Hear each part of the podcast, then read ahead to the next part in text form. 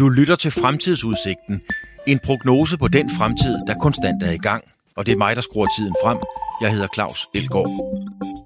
Når det her program er færdigt, er vi 55 minutter inde i fremtiden.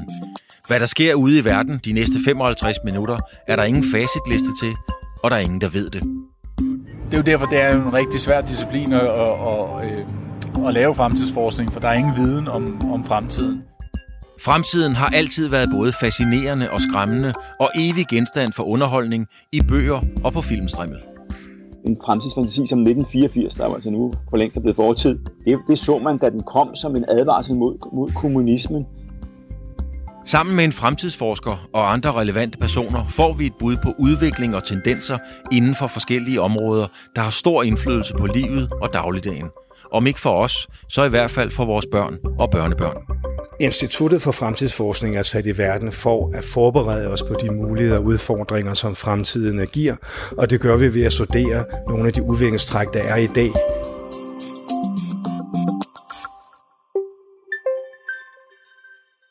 Dagens program handler om demokrati. Det er en af de absolute grundsten i det danske samfund. Men det er langt fra en selvfølge at have et godt og sundt demokrati, og det får vi flere eksempler på i udsendelsen. Jeg taler med fremtidsforsker Daria Krivonos, hun kaldes blandt kolleger Dasha, så det vælger jeg også at kalde hende. Hun er både fremtidsforsker og direktør for Institut for Fremtidsforskning. Men før vi lader Dasha komme til ord, så skal vi have en definition på demokrati. Og den får du her fra den tidligere udenrigsminister, formand for Folketinget og formand for FN's generalforsamling, Mogens Lykketoft. For mig er, er, er demokratiet, som det er blevet sagt meget morsomt, den mindst ringe styreform. Den kan meget ofte være langsomlig og omstændelig og kræve mange kompromiser. Men øh, sammenlignet med alle andre styreformer, vi kender, så må man sige, det er den, der er mest betryggende for folk øh, i det lange løb, fordi oplyst enevælde er ikke noget, der findes i længere tid af, af gangen. Så bliver det mere uoplyst, så bliver det mere despotisk. Og derfor er demokratiet forstået ikke bare som at folk har en ret til at stemme, men at, de, at der er en oplyst offentlighed, at der er noget, der hedder public service, at folk får de rigtige informationer, øh, at øh, mennesker er veluddannede, og at de har alle de her grundlæggende rettigheder til at ytre sig, til at, øh, øh, at forsamle sig osv. Øh, det er den bedste styreform, og, og den er det værd at kæmpe for, og den er under pres mange, mange steder i verden hele tiden. Dasha, vi sidder ved, øh, ude foran Christiansborg, den berømte trappe, som man har set i nyhederne så, så mange gange. Og, og Folketinget er jo Danmarks parlamentariske kammer, som det så flot hedder. Og det har jo hjemsted her på, på Christiansborg. Og siden 1953, der har det været det eneste kammer. Før 1953, der var der jo delt op i to. Der var det, der hed Rigsdagen, og der var det, der hed Landstinget. Og øh, det er sådan med udgangspunkt i grundloven, øh, at Folketinget det er den lovgivende magt. Øh, og så er der jo en regerende monark, men, men det er sådan, skal vi sige, med alt respekt mere til at underskrive de love, som der nu bliver, bliver vedtaget herinde. Man kan sige, har dufter af, har dufter af demokrati. Og det var da noget af det, jeg var stolt af, da jeg rejste rundt på, på Interrail, da jeg i, i gamle dage. Og det var i det gamle Østeuropa også, og sådan nogle steder. Og man kunne tale om, at man kom fra det her land, der hed Danmark, og der var demokrati, og man kunne stemme, og det var frit, og det var helt forfærdeligt godt. Hvordan er det i din optik med demokratiets fremtid? Jeg tror, det er udfordret. Det er positivt, men det er udfordret. Og det er udfordret, fordi der synes at være et skift i tendensen. Altså når man kigger på den rejse, om man vil, som demokratiet har været på siden det sidste århundrede, så synes, der har været, så synes der har været et skift. Der er et knæk i kurven, altså den stærkt positive opadgående kurve på, hvor mange lande, der tæller sig selv som demokrati, og hvor mange lande, der er på vej i den rigtige retning, rent demokratisk set. Så er den, den svære knækket og fladet ud de sidste, de sidste 10-20 år siden Sovjets fald. Øhm. Så, så, så demokratiet er reelt troet? Jeg vil faktisk gå så langt som at sige, at demokratiet er på vej ind i en recession, eller verden er på vej ind i en demokratisk recession. Det vil sige, det, det er med risiko for tilbagegang. Hvad tænker du om det? Jeg tænker, noget af det er undgåeligt på sin vis. Øhm, der, er, der, der er nogle forskere, nogle psykologer, der, der har fremstillet en tese om, at vi har en 80, øh, 80 års cyklus, det vil sige sådan fire generationel turning, som de kalder det, øh, hvor vi hver 20. år går ind i en ny æra af overbevisning, af aktivisme, af prioriteter, af værdier, og vi nu faktisk kunne være på vej ind i den her turning igen, hvor vi piller ting fra hinanden, for senere at bygge op. Så du har, sådan en, du har en generation, der bygger noget op, så har du en generation, der styrker det og ligesom øh, bliver inspireret, og så har du den næste generation, der begynder at stille spørgsmålstegn ved det, vi har, og være kritisk, øh, og så har du en generation, der splitter det hele ad.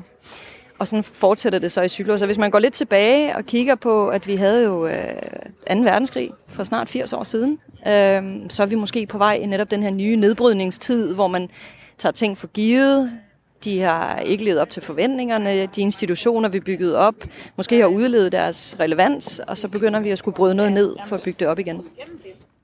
Men hvad, nu går der nogle små børn forbi, eller der gjorde lige før i hvert fald, de, de skal ind og lære om demokratiet. Øh, det er jo, for mig virker det helt fuldstændig øh, absurd at tænke en tanke om, at de skulle vokse op i en tilværelse uden et demokrati. Hvad kommer det til at betyde for deres dagligdag?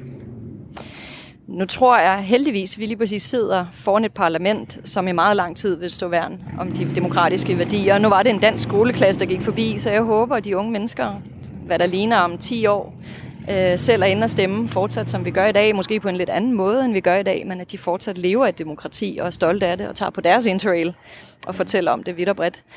Øh, men deres demokrati vil være væsentligt anderledes. Øh, jeg ved ikke, om da de, da de gik forbi, hvor mange af dem så du gik gå og snakke med hinanden, og hvor mange gik og kiggede ned i en telefon? Hvor, ja, de kiggede jo ned i telefonen, altså det gør de jo. lige præcis. Hvor får de deres information fra? Hvor meget ved de allerede om den bygning, de måske var på vej ind i, fra et socialt medie, mm. eller har de været på TikTok og lære en dans, i stedet for at lære om, hvad demokratiet er, og så videre. Så jeg håber, her bliver det lidt personligt og ikke så fagligt, jeg håber inderligt, at de stadig lever den ideologi, vi trods alt har i Danmark og har i Europa for de fleste landes vedkommende. Men jeg tror, det vil udspille sig ganske anderledes, end det gør for os. Og når du siger sådan, øh, Dasha, så har jeg fået lov til at sige, at, øh, og det kan man også læse sig til, at du er vokset op i Sovjet bag jerntæppet øh, i stramme tøjler, formentlig. Øh, men det har jo ikke indflydelse på din forskning, men, men det må jo på en eller anden måde påvirke dig i din personlige tilgang øh, til det, du har en fornemmelse af, at demokratiet er ved at blive udfaset, eller kan blive udfaset?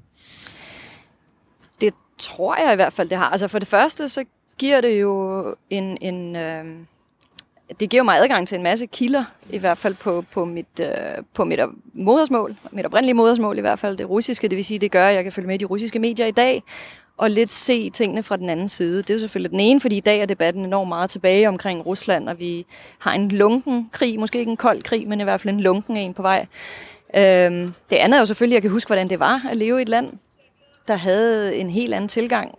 Øh, vi sad forleden derhjemme og legede med hovedsteder og blev enige om, at øh, det kunne godt være steder, lande, hvor man ikke har rejst meget, man kan ikke så meget geografi. For eksempel i USA, der gør man tit grin med, de ikke kan de europæiske hovedsteder. Og så slog det mig, at øh, min skolegang bød på øh, udenlandslærer af alle hovedsteder i verden. Men min udsigt til nogensinde at besøge nogle af dem var praktisk talt lige nul. Så jeg, jeg, jeg kan tydeligt huske et regime, hvor man havde et narrativ, man havde et system, man havde en fremtidsudsigt, man havde begrænsede muligheder, og man skulle, og hvis man var heldig, så troede man på det, alle andre troede på, fordi ellers så gik man et meget svært liv i møde. Mm. Så på den måde giver det jo en lidt anden udsigt, men det giver jo også, øh, det giver også et kig ind bag begge sider af spejlet. Fordi når jeg så går ind øh, når jeg så følger de danske medier i dag, eller de amerikanske medier for den sags skyld, øh, globale, så kan jeg også godt se, at det der med bias, det er desværre ikke noget, der er forbeholdt de regimer, vi normalt beskylder for det. Mm. Bias er alle steder. Så måden, hvorpå man i Vesten belyser Rusland, måden, hvorpå man i Rusland belyser Vesten og omvendt, er bias begge veje. Øhm, så det, at vi har adgang til demokrati, eller adgang til information, forpligter os også til at opsøge den. Og det forpligter os til at opsøge den, også på de fløje, vi ikke er enige med. Øh, men når vi kigger på social media, det tror jeg, vi kommer til at tale om lidt senere, men især på social media, ekokamera og så videre, så skal man nogle gange lige kigge sig i spejlet og sige, hvor meget er jeg selv tilbøjelig til egentlig bare at tro på, tage for gode varer og måske endda dele ting, som egentlig ikke er rigtige, men fordi de passer ind i mit verdensbillede. Så det der med at have en bias på begge sider, skal man nok være lidt klar over, fordi det skaber det narrativ, vi har.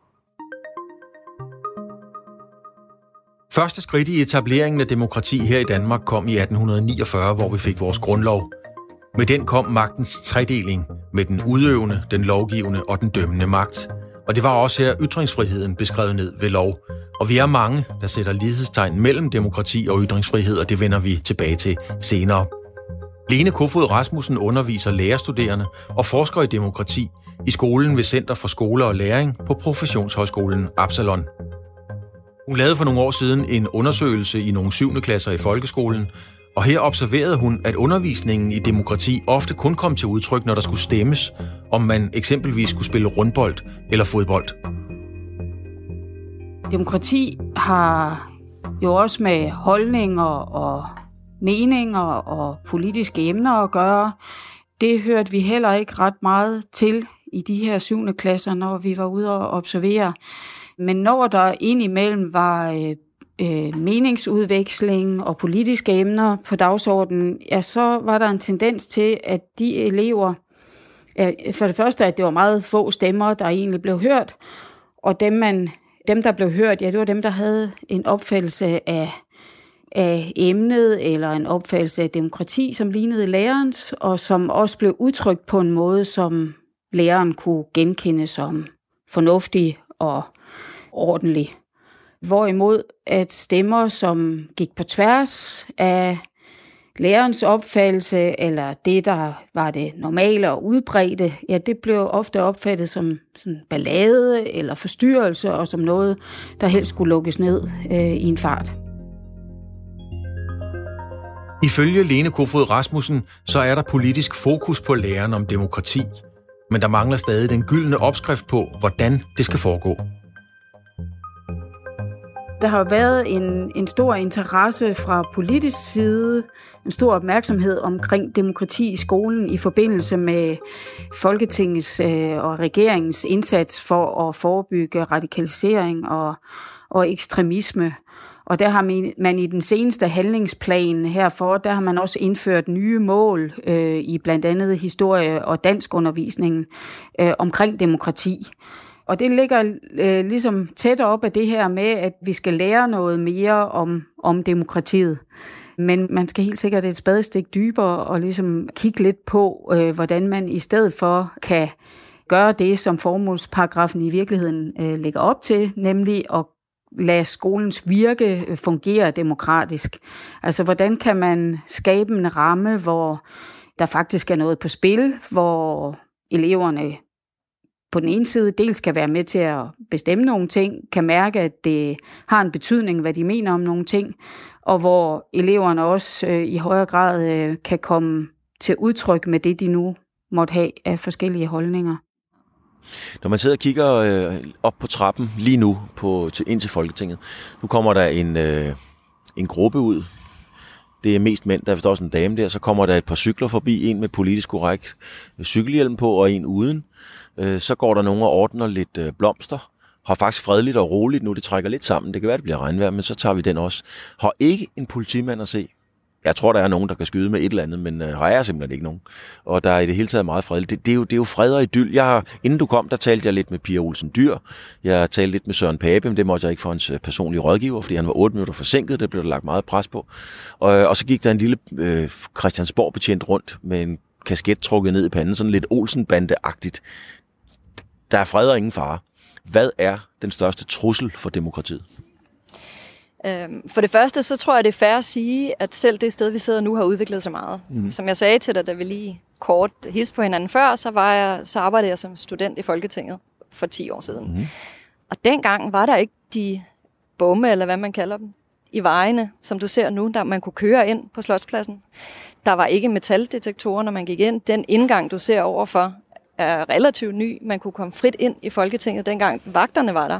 Men metaldetektor, en separat indgang, forbud mod at køre ind på pladsen, alt det er kommet ind for de sidste 10 år. Så selv i Danmark er der skærpet betragteligt, fordi det verdensbillede, vi har i dag, har udviklet sig på bare 10 år. Jeg tror, at demokratiets trussel, største trussel er om demokratiet selv. Fordi demokratiet er en kæmpe gave. Øhm, det er en kæmpe mulighed, men det er måske en endnu større byrde. Demokratiet øh, foreskriver, at man rummer og giver plads til alt, inklusiv dem, man er meget uenig med. Det er meget fristende at tage demokratiet som gissel for dets eget skyld. Øh, lidt ligesom når man råber til sine børn, at de skal holde op med at hæve stemmen. Ja, det er et godt billede. men men er, det, er det nok til, at øh, nogen vil sige så, noget så edelt som et demokrati, at det kan komme i fare?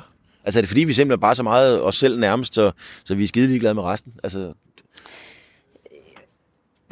Mm, nej, jeg tror ikke, vi er selv nærmest, men jeg tror, jeg tror, at nogle gange, så kan man tro, så kan man føle sig stærkt for noget, man vil beskytte det for enhver pris, også hvis prisen er faktisk at gøre skade på det, man holder af. Og demokratiet er et sådan væsen, Øh, og det er nu især med sociale medier, med fri adgang til både at udtrykke sig, men også øh, høre, hvad andre udtrykker sig omkring. Og selvfølgelig sociale medier i sig selv, som ekokamera og alle de her risici, vi har set på det seneste med trolls og, og Cambridge Analytica osv., jamen så forpligter demokratiet en til faktisk at opsøge andre synspunkter, til at rumme dem, til at respektere dem, og det kan nogle gange være rigtig svært, når man føler, at nogen vidderligt tager fejl.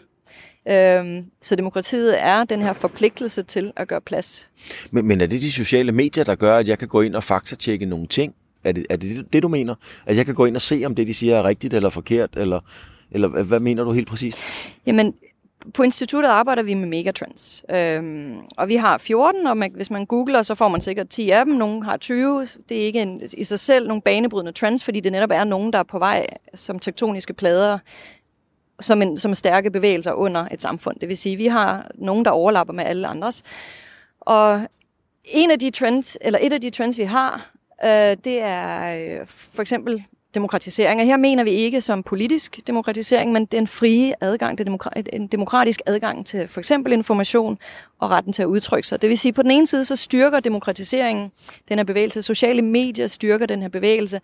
Vi havde det arabiske forår, som opstod ret meget som, som en bevægelse på internettet. Vi har hurtig adgang til hashtag Black Lives Matter, vi kan se, hvor stor bevægelsen er. Altså, det tager meget, meget kortere tid at mobilisere en masse mennesker på tværs af kontinenter, på tværs af tidszoner, og især inden for sit eget nærområde. Så på den måde er sociale medier og internettet en kæmpe platform og accelerator på meget af det her. Samtidig så ved vi også, at, at lige præcis sociale medier kan være med til at, at slå revner i demokratiet. Når vi kigger på øh, anklagerne eller beviserne for, at Rusland har blandet sig i det amerikanske valg, jamen så er det ikke fordi, at de var inde og stemme. Det var jo ikke falske stemmesedler eller øh, manipulation med optællingen. Det var øh, at blande sig i debatten på, på blandt andet sociale medier, især på Facebook, hvor man dannede grupper i hver sin fløj, så man splittede samfundet på midten over forskellige akser, og det var rige mod fattige, det var uddannet mod, mod øh, faglærte, det var religiøse mod, mod ikke-troende, det var kristne mod muslimer, sorte mod hvide, syd mod nord, you name it. Det handler om at splitte et samfund og hive det fra hinanden, fordi i det vakuum opstår der noget, som kan være ganske farligt for det samme demokrati. Jeg vil våge den påstand, usagligt måske, at Trump er en trussel for demokratiet i sin måde at udtrykke sig på, og i sin måde at destabilisere et samfund på. Det vil sige, at sociale medier, som var ment som den her demokratiserende platform for udtryk og for adgang og diskussion, er gået hen og blevet det modsatte.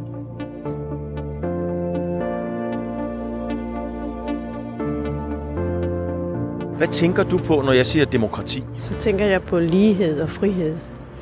Øh, at vi lever i et demokrati, og vi lever i et godt land.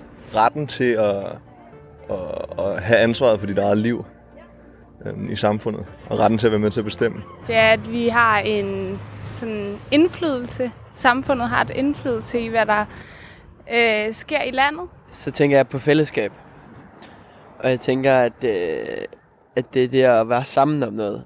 Og lytte til alles meninger. Så tænker jeg, at det er, når folket skal styre. Så mange som muligt bestemmer. Medbestemmelse, uanset hvem du er i samfundet. Er der noget billede af, hvor at, øh, demokratiet er i størst fare, eller, eller hvor der kommer den første udfasning? Øh, ja, og set ud fra den internationale rumstation, så er det nok desværre helt kloden. Øh, og grunden til, at jeg siger det, det er jo fordi, hvis vi kigger på dem, der tidligere var store demokratiske strongholds, for eksempel amerikanerne, The Land of the Free and the Home of the Brave, og, og alt det der er på tilbagegang. Det største demokrati på folkeantal, for eksempel Indien, er på tilbagegang. Det største øh, land i Sydamerika, Brasilien, er svært udfordret. Øhm, Tyrkiet, som ellers i mange år har taget de rigtige skridt og tilløb til et samarbejde med EU, og måske endda en indtrædelse i EU, er stærkt i tilbagegang. Øh, Østeuropa og, og Centralasien er tilbage til øh, de lave øh, målinger, om man vil, øh, de lave indikatorer, de havde, da Sovjet faldt. Øh, og så har vi jo selvfølgelig Sydamerika, som er de laveste tal registreret til siden 90'erne. Så det er faktisk et globalt fænomen. Øhm, den gode nyhed er, at flere og flere steder ser man også øh, protester samle sig for demokratiet. Det vil sige, at der er en større tendens i, at folk jeg vil ikke sige, har fået øjnene op for det, det lyder sådan en lille smule arrogant, fordi igen forskellige styreformer tilfredsstiller forskellige kulturer og historier, men Øh, i større grad benytter folk sig af deres ret og hele den stemning, der er omkring, at man kan, øh, at man kan vise sin stemme ved for eksempel at protestere. Den tendens er blevet større, så flere og flere lande ser øh, de her protester for demokratiet. Um, det er også en, en sjov ting i forhold til øh, sociale medier. Man kan spørge sig selv, hvordan, hvordan havde øh, øh fredspladsprotesten forløbet, hvis man faktisk kunne livestream dengang. Så det er sådan et godt billede for mig på, hvad sociale medier, hvad internettet kan gøre. Hvordan havde det set ud? Hvordan havde verdenssamfundet reageret, hvis man dengang kunne have livestreamet, hvad der foregik på fredspladsen?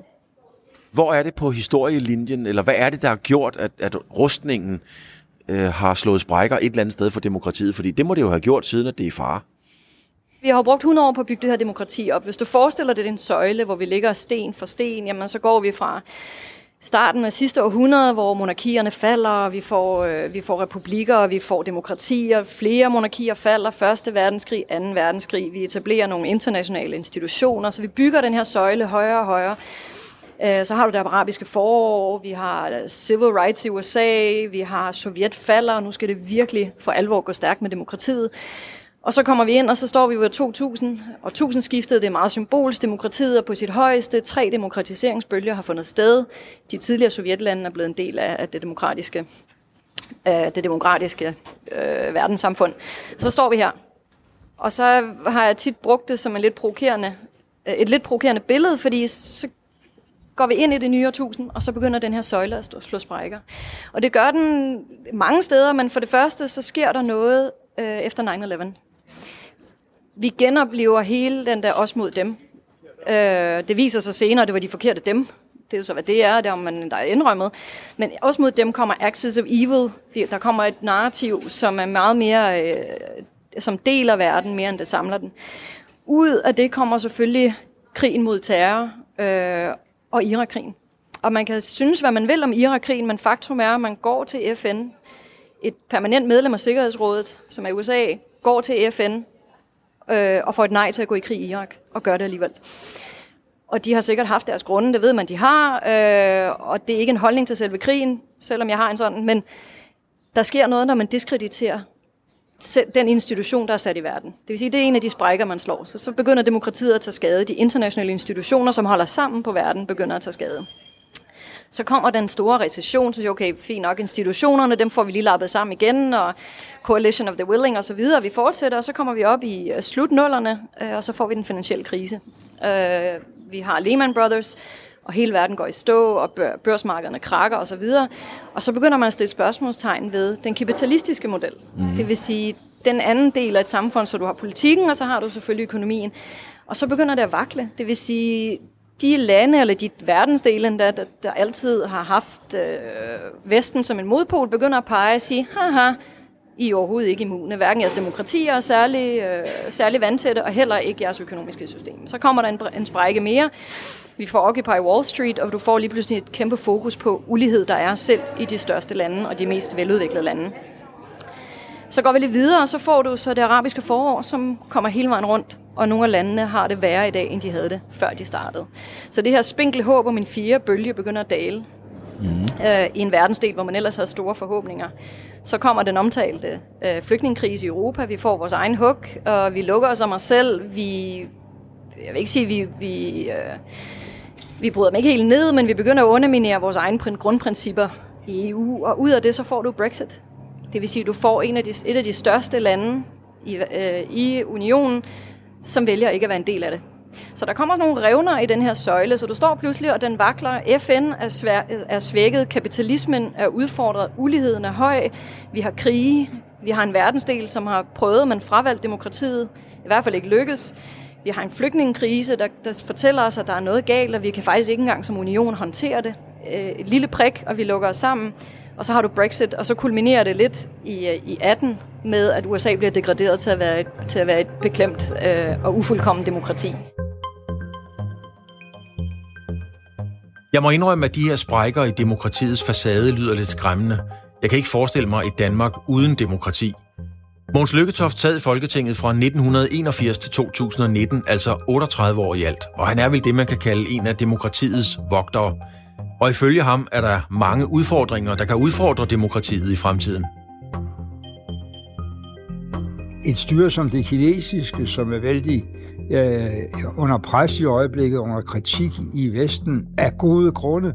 Øh, det er jo, øh, må man sige, nogen vil sige desværre, et styre, som har en meget bred folkelig opbakning. Det har leveret en stor øh, fremgang i økonomi og velstand til sin befolkning de sidste 40 år.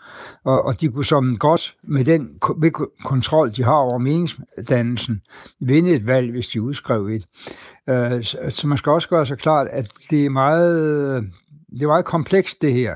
Men, men vi ser nogle farlige tendenser, også i Europa, til at folk, der har, har vundet et valg på i og for sig demokratisk vis, begynder at underminere nogle af de grundlæggende forudsætninger for øh, demokratiet. Vi ser det i Ungarn, ikke mindst. Det er meget aktuelt i de her dage og timer øh, med Orbán i Ungarn, som på alle måder, efter at have vundet magten rimeligt er fair, manipulerer med valgsystemet, øh, sætter sig på domstolene, øh, opkøber pressen og ensretter den osv. Øh, og det, det, det er nogle af de farlige træk, som man skal være med til at bekæmpe i andre lande, hvis man har indflydelse på det. Der er nogen, der øh, med rette øh, siger, at vi skal huske, at demokratiet ikke er en given sag, heller ikke i vores del af verden. Øh, at det kan komme under pres, vi ser det altså, som, som lige sagt, øh, i, i lande inden for den europæiske union, som Ungarn og også Polen. Øh, vi ser det jo faktisk også med Trump i USA. Den mand er, er, jo, er jo absolut ikke demokrat, og han, han misbruger jo på alle mulige måder sin magt, og det er ikke endnu afgjort, at de amerikanske demokratiske garantier og institutioner kan holde til at få sådan en valgt. Øh, og hvad er, så, hvad er det så grunden til, at det her overhovedet kan forekomme? Jamen noget af det har jo at gøre med, at ægte demokrati kræver en veloplyst, øh, velinformeret befolkning. Øh, og med den medieudvikling, der har været, for eksempel og ikke mindst i USA med Fox News og øh, mange andre øh, ikke særlig sandhedssøgende øh, øh medier, som har meget stor gennemslagskraft, ja, der er der rigtig mange mennesker, der bliver fyldt med løgn. Og, og, og, og det kan jo være en grund til, at de stemmer øh, på nogen, der måske ikke er særlig demokratisk. Det understreger jo så endnu en gang, hvor vigtig mediernes rolle er i et demokratisk samfund. Og så kan det godt ske, at nogle af os foretrækker nyhederne på TV2 eller TV-avisen på Danmarks Radio, eller måske en klassisk papirudgave. Det holder demokratiet skarpt. Svend Erik Skåning er professor ved Institut for Statskundskab på Aarhus Universitet. Han forsker i demokrati, og han ser en god fremtid for demokratiet i Danmark, blandt andet fordi vi er gode til at vogte over de demokratiske værdier. Det er vigtigt, at der er folk, der tager kampen op imod øh, folk, som har tænkt sig at tilrende magten og underminere demokratiet.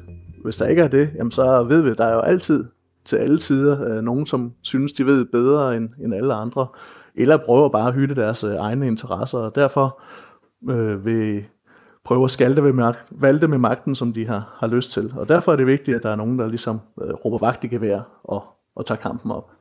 Typisk vil der jo altid være nogen, som tager kampen op, og så er det sådan et spørgsmål om, hvem der har, hvordan magtbalancen er, øh, hvem der ligesom står, står stærkest.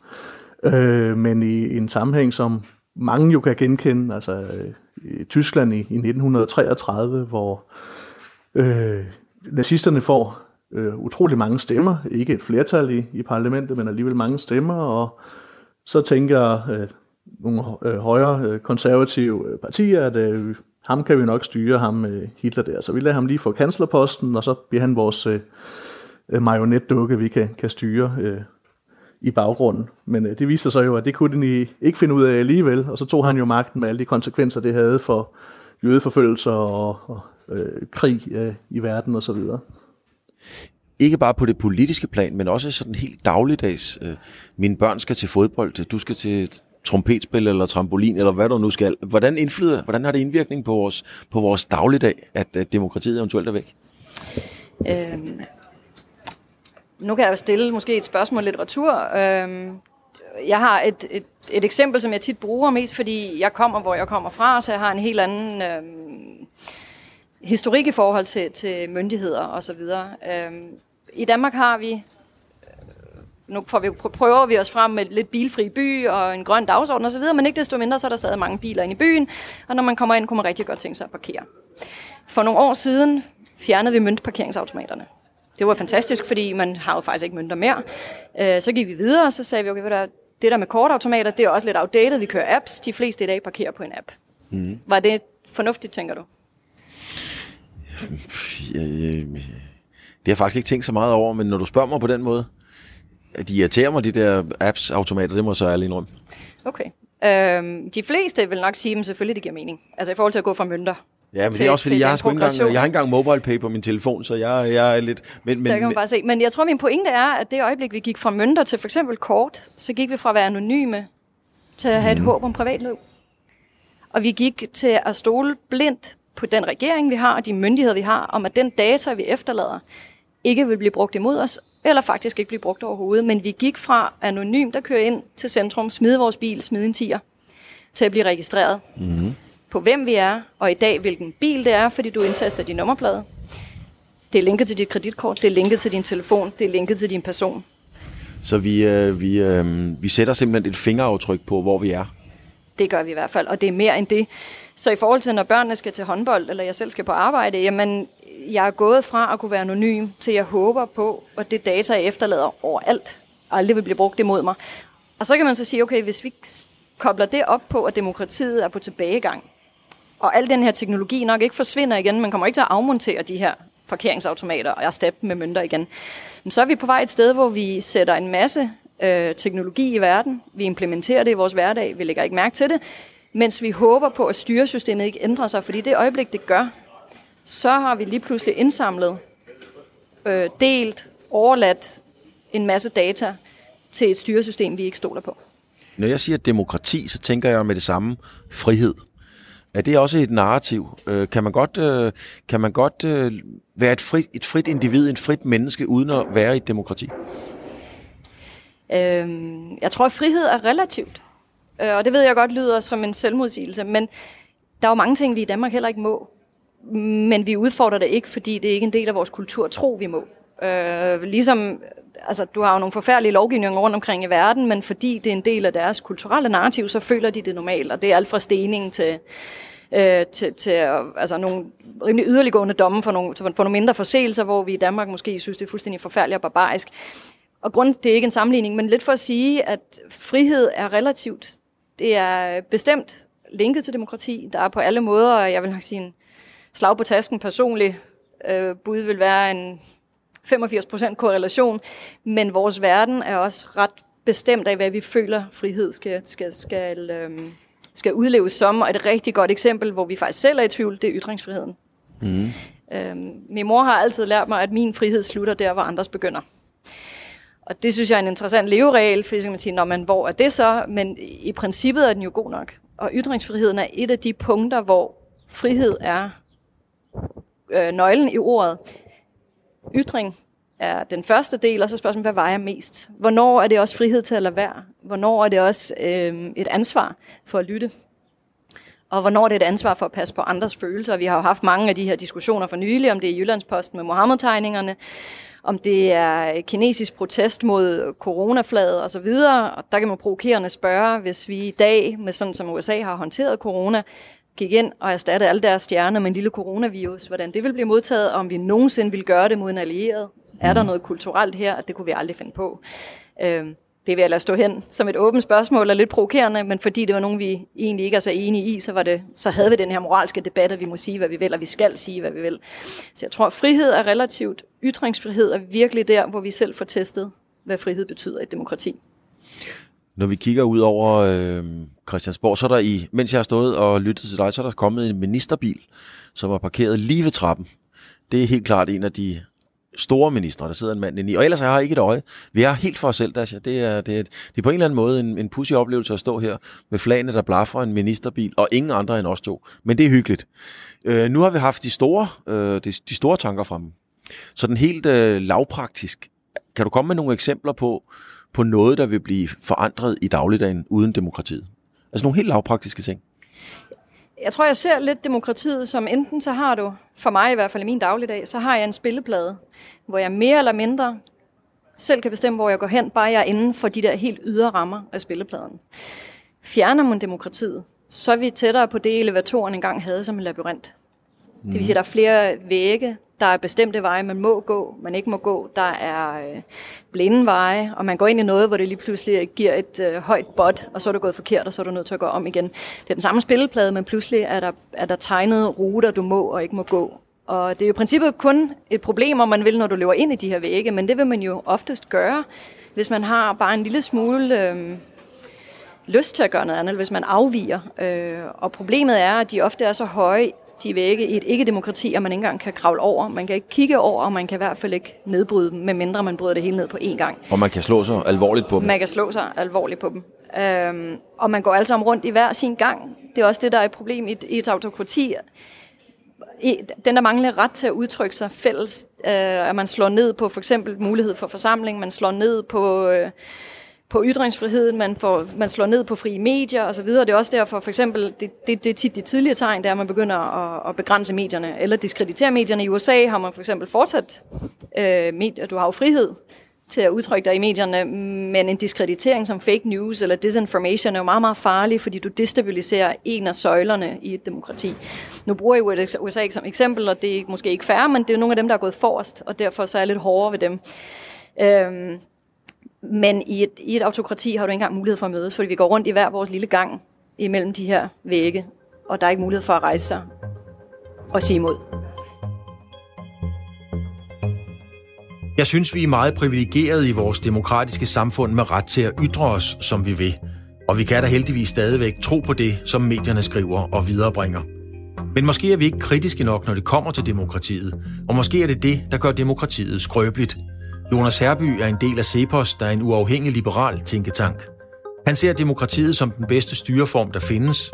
Man kunne godt tænke sig, at vi helt generelt var mere kritiske over for, hvad vi egentlig bruger demokratiet til. Vi ved alle sammen godt, at det er den bedste styreform, der er, og så har man lidt en tendens til at tro, at det er en, at det er en perfekt styreform. Og vi kan bare, hver eneste gang der er en flertal for noget, så, så må det være den rigtige beslutning. Øh, men sådan er det altså ikke. Øh, og der er så nogle, nogle liberale tænkere, som har filosoferet lidt over det her, og tænkt på, hvad, hvad, hvad gør vi egentlig i den situation, hvor, hvor demokratiet vedtager, at nu skal vi have diktatur? Og det er jo sådan en øh, selvmodsætning, ikke? Altså 51 procent bestemmer, at nu skal, nu skal Mette Frederiksen for eksempel sidde øh, på posten for evigt. Øh, det, det er jo en selvmodsigelse i demokratiet, at, at sådan en beslutning kan ikke være rigtig, selvom der er flertal for den. Øh, fordi så må man jo afskaffe øh, demokratiet.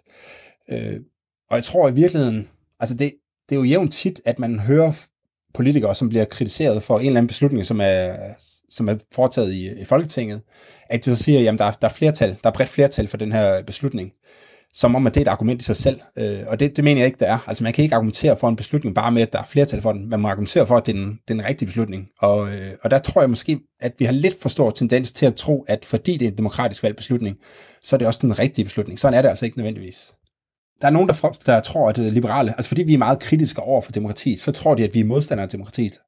Og sådan er det under ingen omstændigheder. Altså, der, der findes ikke nogen styreform øh, i mine øjne, som er bedre end demokrati. Det skal man ikke tro, men, men vi er bare meget kritiske over for, at man har central styring. Fordi uanset om det er et socialistisk flertal eller en socialistisk diktator, der træffer beslutninger på vegne af, af individet, jamen så, så er jeg egentlig skeptisk over for det. Øh, og det er, det, det er derfor, jeg synes, at vi skal være meget påpasselige med at, at bruge demokrati til for meget, selvom det er den bedste styreform, vi har. Hvis nu nu er 51, hvis der er en befolkning på 100 borgere, som har et demokrati, og der er 51 personer, som foretrækker røde sko, 40 personer, der foretrækker blå sko, og 9 borgere, der foretrækker gule sko, jamen så i et øh, demokrati med flertalsbeslutning, hvor man overlader den her beslutning om, hvilken sko man skal have til, til flertallet, jamen så vil man ende med, at alle får røde sko, eller, eller måske hvis det bliver indgået et kompromis, hvor så alle får lilla sko. Øh, hvorimod, hvis man overlod den beslutning til markedet, så vil alle få de sko, de i princippet gerne vil have. Det her med den mindst dårlige styreform klinger noget negativt. Kan det virkelig være den bedste måde at beskrive et demokrati på? Ja, det er det. I hvert fald ifølge professor Svend Erik Skåning. Altså, det er jo et udsagn, vi har fra Winston Churchill, øh, og jeg er faktisk øh, meget enig i det. Og, og i det ligger det jo, at demokrati er jo langt fra en perfekt styreform. Vi kan ikke regne med, at bare fordi vi har en demokratisk styreform, så bliver alle de politiske beslutninger øh, perfekte. Og det er ikke det samme med, at alle politiske beslutninger leder frem til et retfærdigt samfund. Men øh, hvis vi tænker på alternativerne, udemokratiske øh, lande, øh, så ser det langt værre ud. Så kommer man ud i forskellige ekstremer, øh, som øh, der typisk ikke vil være øh, særlig godt for, for et samfund.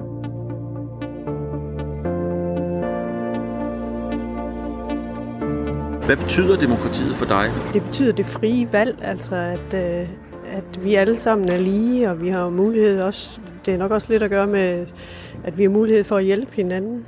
Altså det betyder, at øh, jeg stoler på, at, at tingene bliver gjort rigtigt, da der er flere meninger om dem, og at det bliver mere velovervejet, end hvis det er en enkelt eller få personer, der, der styrer det hele. Utrolig meget, og jeg synes, vi skal værne om det. Det betyder jo for mig, at jeg kan gå med ind og have den indflydelse. Altså jeg kan gå med ind og præge, hvordan samfundet kommer til at fungere fremadrettet.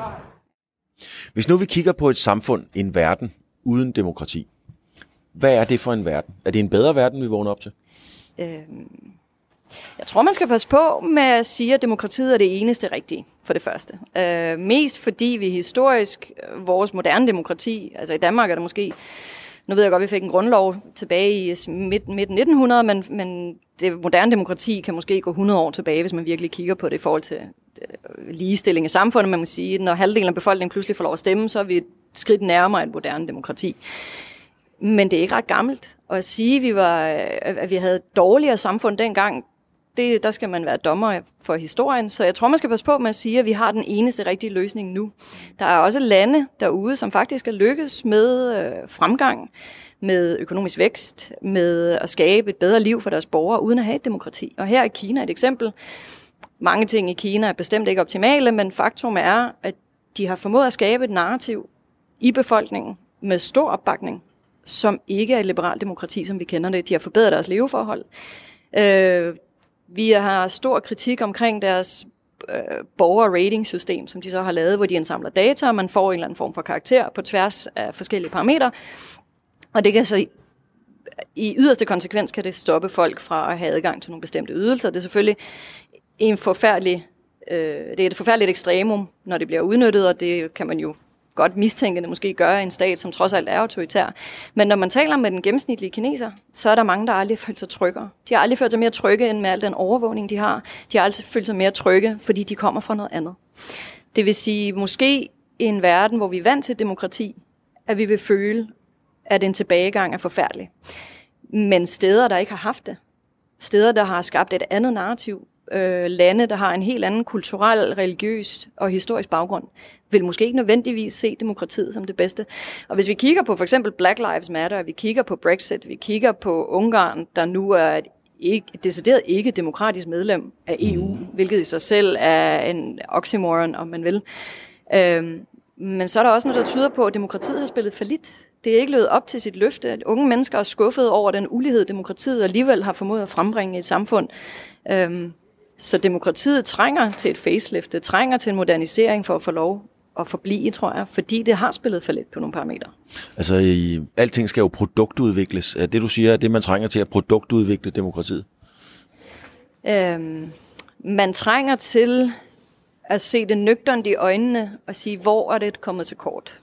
Fordi når man løfter noget op på et pedestal, som vi har gjort med demokratiet, så bliver det for enhver pris. Øhm, og prisen kan nogle gange blive øh, objektets undergang. Mm. Og det skulle det helst ikke være. Det vil sige, for eksempel hvis vi kigger på det, vi kalder de internationale institutioner. Det vil sige, de demokratiske institutioner, vi satte i værk og, og satte i verden efter 2. verdenskrig.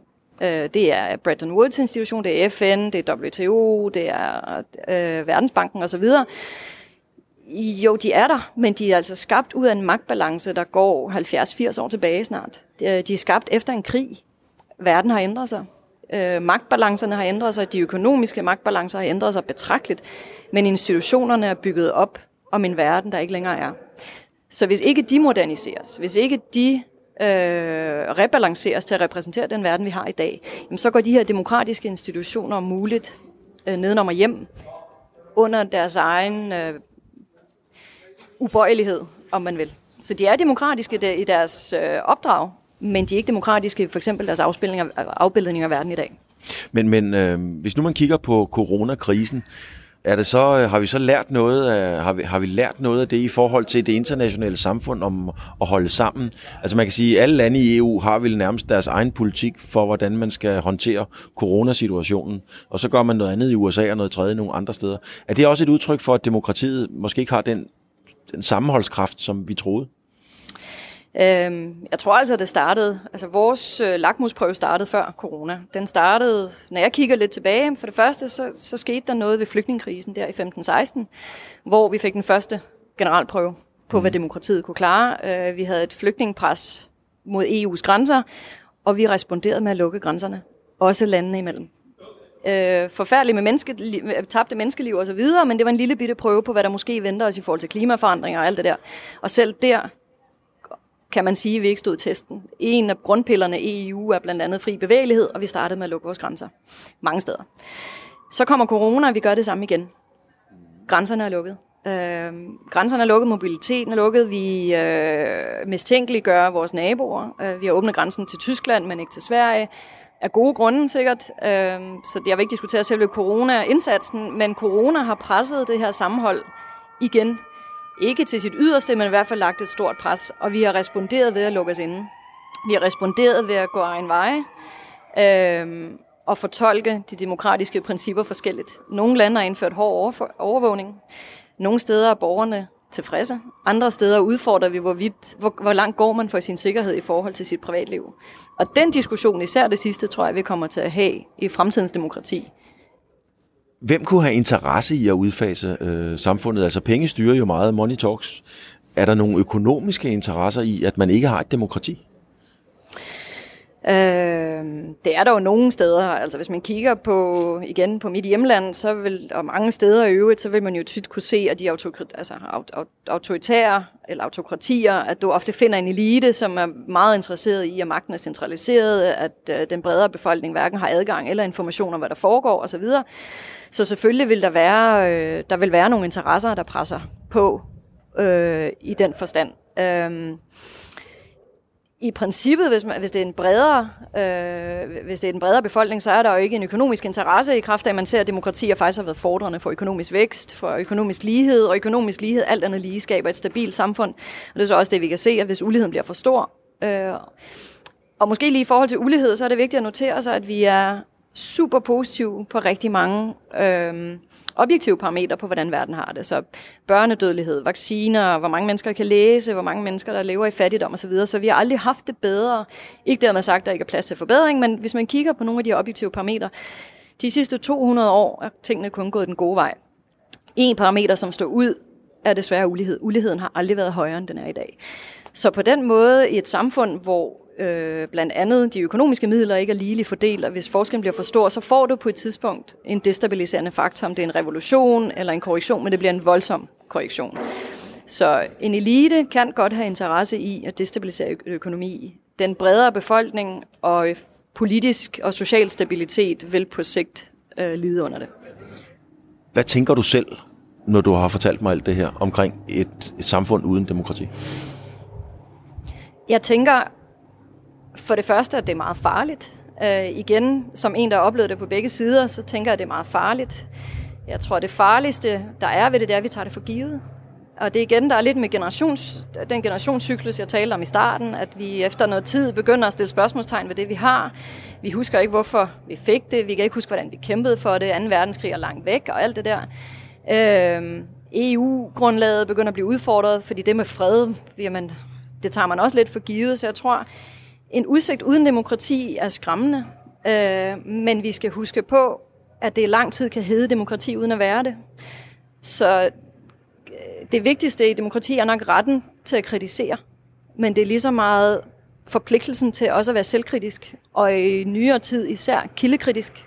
Hvornår er man selv med, hvornår bidrager man selv til at destabilisere et demokrati ved ikke at tjekke op på, øh, om man er med til at polarisere en debat eller et samfund osv. Øhm, så jeg synes, det er en skræmmende udsigt, men jeg tror, at det værste ved den er, at den vil være så subtil, at glidebanen vil være så subtil. Det, det bliver ikke et Rusland, hvor man decideret bryder ned. Rusland kan man stemme. Øh, I Kina de er mange glade at støtte op og så videre, så jeg tror, det bliver en meget subtil udfasning, hvis ikke vi virkelig værner om det. Og måden, hvorpå man gør det, det er fuldt ud at rumme alle dem, der ikke er enige, og faktisk google det modsatte synspunkt, når man er allermest overbevist om noget andet. Jeg må indrømme, at jeg ikke var klar over, at demokratiet var under et decideret pres. Og jeg vågner jo trods alt nok ikke op en morgen til et autokrati eller et kommunistisk styre i Danmark. Vi slutter med et perspektiv fra science fiction filmverden, der hvor de i mange år har arbejdet med og omkring fremtiden. Her brugte filmforfatterne perioden med den kolde krig til at fremstille forfærdelige forhold, for eksempel i de kommunistiske østlande som Sovjetunionen og Kina.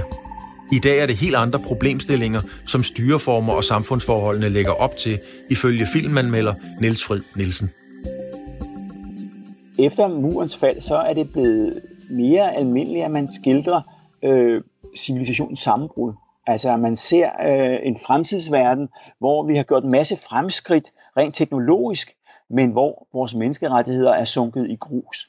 Hvor vi så at sige kan leve evigt, vi, kan, vi bliver ikke syge, Øh, vi har masser af muskler, vi kan rejse både på jorden og i rummet, men som borgere er vi sat, er vores demokratiske rettigheder sat ud af kraft.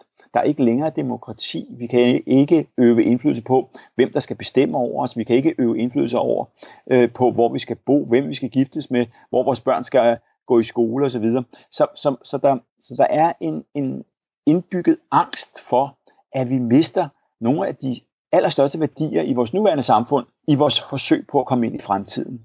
Vi kommer måske til Mars, vi kommer, til, vi kommer rundt og får udforsket hele rummet, men prisen bliver af demokratiet, øh, retssikkerheden, øh, den tryghed, vi har i velfærdssamfundet i dag. Det tror jeg er, den, er et af de helt store temaer. Øh, og endnu, man kunne tage et skridt videre og sige, ja, det kan godt være, at vi i fremtiden, altså vi ser også de her øh, cybers øh, og, og, og robotlignende mennesker, som kan leve evigt. Men hvad er der ved at leve evigt, hvis ikke øh, du, hvis ikke du bestemmer over dit eget liv, hvis ikke du må tænke selv, hvis ikke du må knytte dig til, til de mennesker, du har lyst til at knytte dig til, men Big Brother skal sidde og bestemme, hvem, hvordan du skal leve, så er der øh, måske ikke noget så, så meget ved at leve øh, i al evighed. Amen.